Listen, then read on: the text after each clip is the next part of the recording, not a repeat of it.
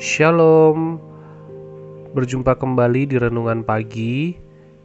Mari bersyukur pada Tuhan untuk hari baru yang Tuhan berikan, untuk kesempatan kita boleh menjalani kehidupan kita satu hari lagi bersama dengan Tuhan.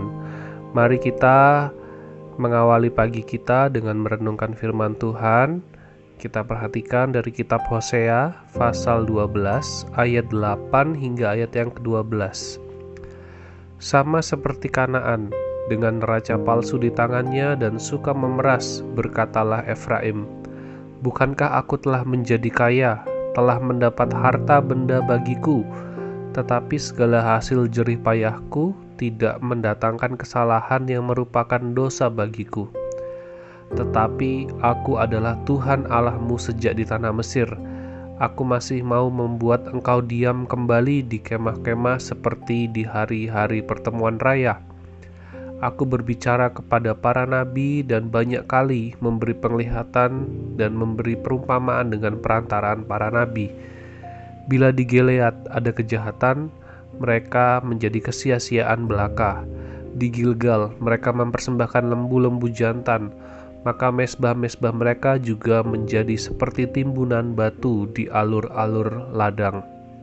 Dalam bagian ini, kita melihat bagaimana Tuhan menyatakan kalau kesahnya kepada umat Israel, karena umat Israel memiliki cara hidup yang ternyata sama dengan orang-orang Kanaan, orang-orang yang tidak mengenal Tuhan, orang-orang yang tidak beribadah kepada Tuhan.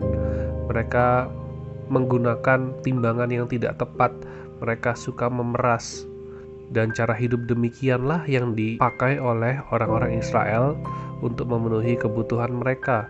Mereka mencari keuntungan, mereka mendapatkan keuntungan dengan cara-cara yang tidak berkenan, cara-cara yang tidak sesuai dengan hukum Allah.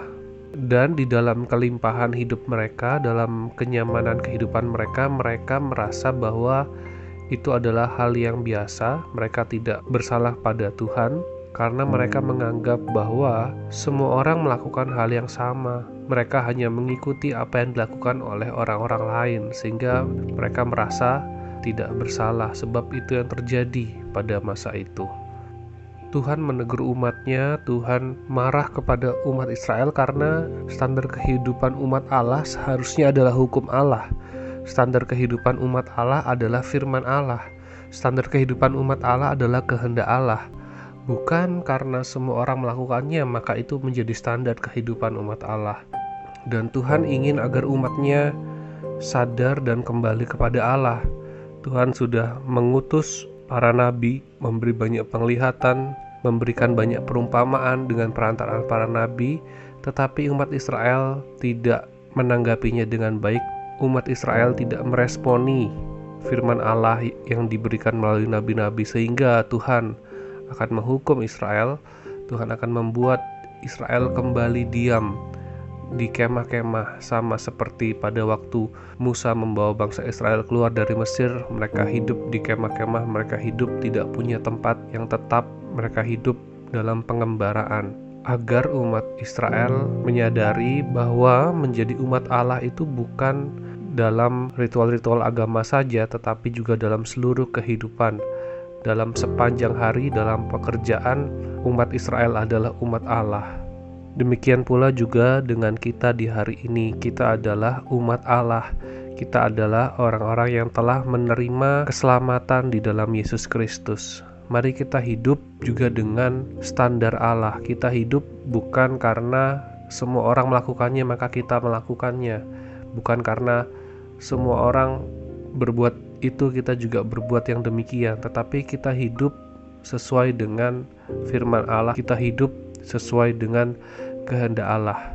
Sehingga kehidupan kita bukan serupa dengan dunia ini, tetapi kita terus diperbaharui, kita terus mengenal dan melakukan kehendak Allah dan memuliakan Allah melalui kehidupan kita. Mari kita berdoa. Bapa di surga, kami bersyukur untuk hari ini kami boleh diingatkan kembali ya Tuhan, bagaimana kami seharusnya menjalani kehidupan kami bukan dengan cara-cara dunia, bukan dengan cara-cara kebanyakan orang, tetapi dengan sesuai kehendak Tuhan dengan sesuai firman Tuhan.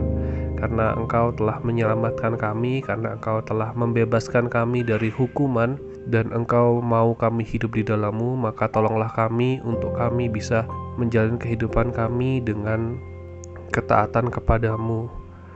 Kami mohon Allah Roh Kudus mengingatkan kami senantiasa membimbing kami untuk kami ya Tuhan dalam menjalani kehidupan kami agar kami boleh menjalaninya dengan sesuai firman-Mu, menjalaninya dengan sesuai kehendak-Mu, dan menjalaninya untuk memuliakan-Mu. Terima kasih ya Tuhan, di dalam nama Tuhan Yesus kami berdoa. Amin. Selamat pagi, selamat beraktivitas. Tuhan Yesus memberkati.